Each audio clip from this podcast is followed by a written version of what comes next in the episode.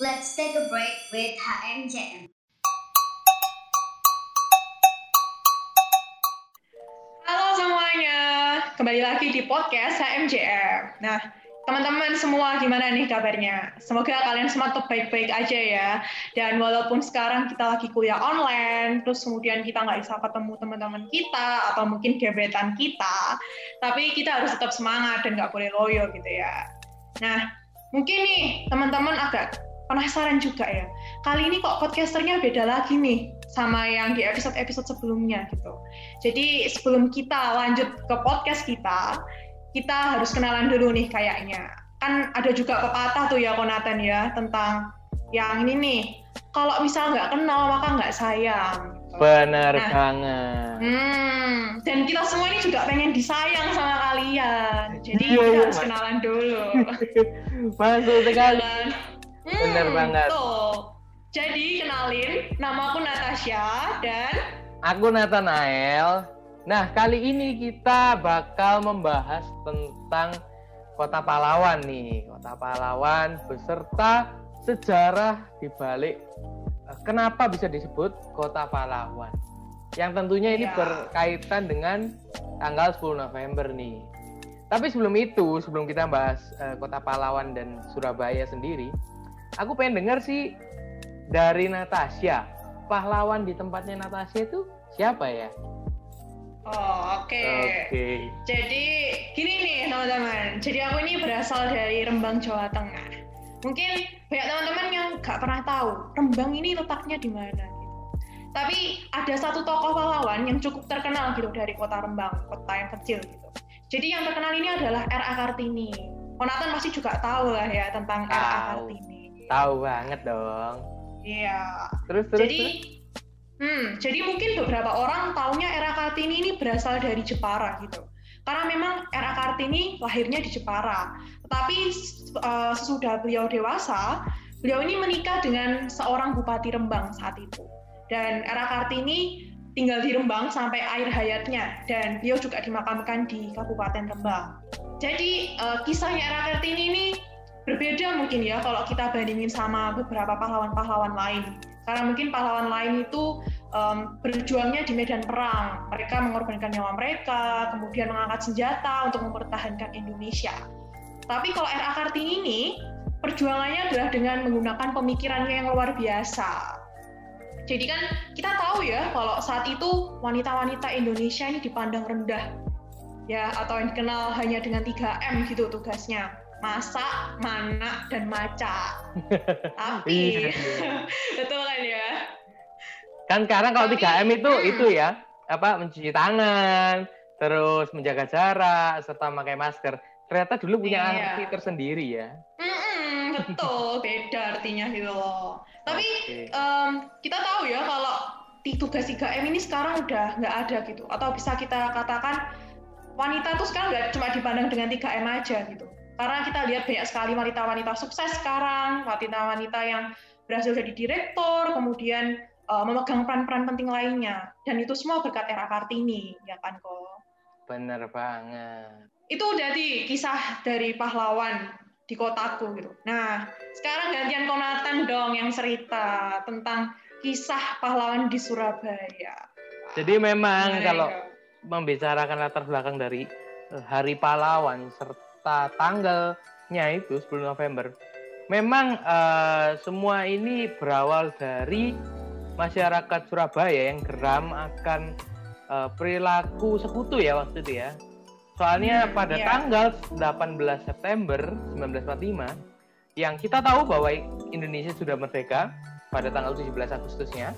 Nah, tetapi masih ada uh, pengibaran bendera Belanda di Hotel Yamato atau yang sekarang kita kenal kalau di Surabaya itu kita kenal dengan Hotel Majapahit. Nah, di situ dikibarkan bendera Belanda. Nah, masyarakat eh, Indonesia khususnya Surabaya yang melihat hal itu geram karena Indonesia telah merdeka dan telah bebas dari penjajah. Tetapi kok masih ada bendera itu? Akhirnya eh, terjadilah di sana mulai eh, panas, juga terjadi insiden perobekan bendera Belanda di atas hotel tersebut yang awalnya merah putih biru menjadi hanya merah putih ya. Itu yang ikonik. Terus juga uh, untuk perang sendiri perang 10 November sendiri itu terjadi uh, ketika jadi ini memang kayak puncaknya gitu ya. Nah puncaknya terjadi ketika jenderalnya uh, Inggris itu ya jenderalnya jenderal uh, letnan jenderal Malabi itu uh, meninggal gitu ya da dari sebuah kecelakaan Nah, meninggal dan aku tuh berpikir bahwa ini merupakan olah orang uh, Surabaya, walaupun memang tidak memiliki bukti-bukti yang konkret ya. Soalnya ada yang bilang mobilnya dibom, terus ada yang bilang orangnya ditembak gitu ya. Nah, tapi dari hal ini menyebabkan sebuah peperangan yang salah satu tempat ikonik juga terjadi di Jembatan Merah.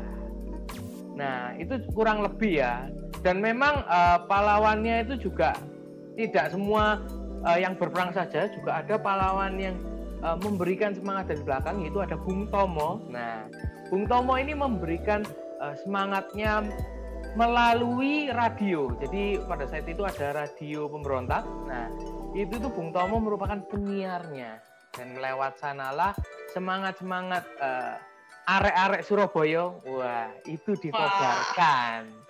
Jadi kurang lebih seperti itu ya penggambarannya. Wah menarik banget ya. Kalau dipikir-pikir perjuangan para pahlawan dan juga arek-arek Surabaya ini luar biasa banget ya kok ya. Uh, mereka tapi... mengorbankan nyawa juga, mereka mengorbankan dirinya demi kemerdekaan negara Indonesia. Benar banget. Dan tetapi juga seiring berjalannya waktu, uh, kita lihat ya sendiri ya Natasha bahwa pahlawan ini juga definisinya berevolusi ya mulai dari hmm. yang tadi uh, eh, RA Kartini yang memperjuangkan emansipasi wanita, terus ada uh, juga Bung Tomo yang juga tidak hanya berperang gitu ya, tapi juga memberikan semangat gitu ya. Dan kalau sekarang khususnya di masa pandemi ini, pahlawan kita itu yang berdiri di garda paling depan adalah tim medis nih yang senantiasa selalu uh, mengurus uh, rakyat Indonesia yang sakit gitu ya, terutama karena pandemi ini. Gitu. Benar banget, setuju banget sih kalau sekarang tenaga medis ini pahlawan kita gitu ya. Bahkan kalau kita lihat mereka ini rela nggak pulang berbulan-bulan loh ya demi mengatasi pandemi ini, kemudian merawat pasien-pasien yang sakit dan Benar. perjuangan mereka ini patut diapresiasi banget gitu ya. Benar sekali dan hmm. Memang ya itu tidak mudah Bahkan memang beberapa di antaranya juga memberikan nyawa mereka dalam tugasnya gitu ya. Nah, Konatan, mm. kalau kita balik bahas tentang Surabaya nih ya. Tadi kan kita udah bahas nih tentang Hari Pahlawan gitu ya dan sejarahnya. Mm. Yo, nah, kali ini kita pengen bahas lebih dalam lah ya tentang kota Surabaya. Oh iya. Nah, hmm. mungkin mungkin iya ya. Uh, mungkin aku akan awali dengan kata-kata yang mendeskripsikan Surabaya nih. Soalnya aku sudah persiapkan uh, empat uh, bukan kata juga ya, tapi lebih kayak frasa gitu ya. Nah, oh. uh, yang pertama tentunya karena kita membahas tentang Hari Pahlawan, ya aku bakal bilang Surabaya adalah kota pahlawan. Iya, pasti dong ya. Bener banget pasti. Terus yang kedua juga uh, kota banyak kuliner. Nah, makanan ini Menarik sekali ya. Terus uh, kota bersih banyak taman serta kota entrepreneur. Gitu ya. Wah. ya. Aku ini menemukan beberapa kosakata baru ya yang sebagai pendatang ini nggak pernah dengar gitu. Jadi hmm. tentang apa kota entrepreneur ya? Bener banget. Ini ini baru banget nih kok Pasti nggak tahu ya, penasaran ya? Iya, aku aku nggak tahu ini. Mungkin penonton mau cerita nih. Oh ya pasti. Tentang kota entrepreneur.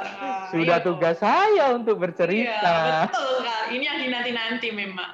Jadi memang kenapa kota entrepreneur? Karena uh, Surabaya ini memiliki UMKM yang sangat besar gitu ya. Salah satu yang uh, terbesar di Indonesia gitu. Sehingga dari situlah uh, tentunya mereka yang memulai bisnis UMKM atau startup ini juga merupakan entrepreneur gitu. Maka dari hal inilah juga disebut kota entrepreneur gitu. Nah, tadi kan Konatan udah bahas nih tentang entrepreneur. Mm-mm. Tadi kalau nggak salah nih Konatan juga nyebutin kota banyak taman juga nggak kok? Iya bener banget karena memang eh, banyak sekali taman-taman yang ada di Surabaya. Jadi mungkin aku sebutin beberapa teman taman-taman yang besar ya, yaitu ada eh, Taman Bungkul atau le atau kalau di Surabaya itu bilangnya Taman Bungkul. Ono Wah, udah nyatas banget ya. Lah, iya. Bungkul. Bungkul, oke. Oke. Terus juga ada eh, Taman Prestasi, terus Taman Surabaya gitu ya. Terus Taman Flora. Nah, Taman Flora itu juga ada. Jadi memang banyak sekali itu beberapa taman-taman yang besar-besar ya yang aku sebutin.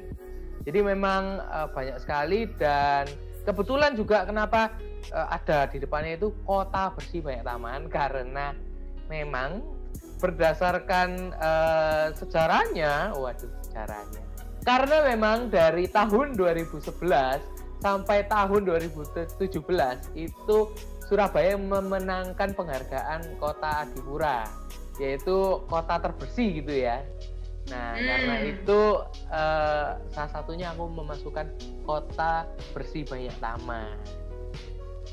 Oh, Nah. jadi itu ya rasanya ya. Iya. Eh, tapi ya kalau Natasha sendiri gimana? Eh, sejauh mana sih kamu mengenal kota Surabaya? Ketika kota Surabaya disebut, apa yang kamu ingat, Nat? Hmm. Yang pertama kali aku ingat ini nih kok tentang Tugu Pahlawan sama Monumen Bambu Runcing. Nah ini Hmm. banyak banget ya dulu waktu aku belajar sejarah itu sering banget disebut-sebut gitu tentang uh, Tugu Pahlawan dan juga Monumen Bambu Runcing. Jadi itu yang Oke. pertama kali aku ingat gitu. Oke. Terus ini juga tentang makanannya. Mm-mm. Nah, kan Konatan juga sebutin juga ya kalau Surabaya itu banyak kulinernya, Iya. betul kan? Terus Terus, terus? mallnya, mallnya. Nah, Oh, Surabaya mallnya. banyak banget ya. Apalagi di. Rembang ini nggak ada mall. Jadi ketika nyebut Surabaya ini yang kepikiran pasti mallnya. Oh, kan beda iya. gitu.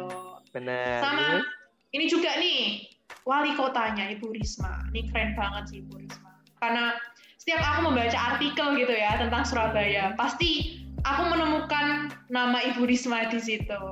Oke. Yang paling Hmm. berkenan mengenai wali kota Surabaya apa nih? Atau yang, Yang paling kayak berkesan ya. Mm-mm. Hmm, ini nih, aku pernah baca artikel nih ya, dan artikelnya itu bilang nih, bilang atau memberitakan gitu ya bahasanya, bahwa Ibu Risma ini pernah nerima penghargaan di London tentang Innovative City of Future. Wah, ini keren banget sih. Go internasional gitu ya, berarti salah satu kota di Indonesia kita ini. Iya, Keren benar banget. gitu. Itu karena memang eh, dari tatanan kotanya yang bagus ya, sehingga sampai dapat eh, memenangkan penghargaan tersebut. Nah, eh, ngomong-ngomong tadi kan juga menyebutkan monumen tuh ya, monumen Tugu Pahlawan Nah, iya. gitu. Sudah pernah ke sana belum? Belum, wah aku cuma lewat aja nih. Nah, jadi buat Jadi temen- ini juga penasaran ya tentang Monumen Pahlawan. Jadi buat teman-teman yang eh, mungkin ya masih di luar pulau, belum di belum ke Surabaya. Nah, kita cerita aku cerita sedikit tentang monumen eh, Tugu Pahlawan. Jadi selain di sana itu monumen ya, ada tugunya, itu juga ada museum. Namanya Museum 10 November. Nah, di dalam museum tersebut itu banyak sekali peninggalan-peninggalan khususnya pada saat eh, perang 10 November tersebut baik dari senjata, lalu eh, baju mungkin ya, serta eh, diputerin tuh. Jadi setiap hari diputerin film 10 November. Dan eh, dan tadi juga telah mention ya bahwa ada eh, monumen bambu runcing juga. Nah, Hmm. bambu runcing ini memang salah satu senjata ikonik ketika eh, berperang melawan sekutu itu di jembatan merah itu ya seberang pakai Iya. tembak kita pakai bambu runcing tapi kita menang ya kan Jago memang Indonesia ini Mantul. berbeda gitu ya. Mantul. Mantul Nah, sekali. jadi seperti itu dan tadi juga Natasha ngomongin tentang kuliner tuh emangnya sudah pernah makan kuliner apa aja Nat? Um, yang udah pernah aku coba ini ya di Surabaya Hmm. ada tahu tek, Oke. terus rujak cingur. Mm-mm. Kalau makanan yang satu ini, aku punya satu nama makanan lagi kok. Tapi aku ini belum pernah coba. Aku cuma sering banget nih dengar-dengar dari orang-orang gitu. Namanya Apa, ini apa, apa? Semanggi Surabaya. Semanggi Oh. Surabaya. Bener Jadi bener. kan pasti pernah makan lah ya Semanggi Surabaya ini. Pernah dong. Jadi memang gimana nih, Kak? eh, Semanggi Surabaya ini memang khasnya gitu ya. Kayak kayak yang literally ada nama Surabayanya di makanannya itu ya. Memang Iya. itu Kak, Semanggi Surabaya. Jadi buat teman-teman yang mungkin lagi di luar pulau dan belum tahu ya, rupanya Semanggi Surabaya itu kayak apa? Aku ceritain ya, deskripsikan. Jadi Semanggi Surabaya itu kurang lebih itu seperti pecel bumbu kacang ya. Jadi terdiri dari sayur terus eh, sama bumbu kacang. Nah, tapi bedanya sayurnya itu kalau semanggi Surabaya itu terdiri dari dua, yaitu ada daun semanggi sendiri yang dikukus, serta ada kecambah, sama-sama dikukusnya ya btw.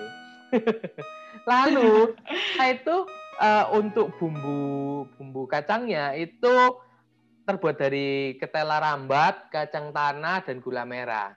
Nah, memang karena ada bumbu eh karena ada ketela rambat ini, rasa dari bumbu kacang tersebut itu manisnya itu didomina, didominasi oleh manis ketela gitu ya. Nah, sehingga memang seperti kepecel tapi juga berbeda gitu kan.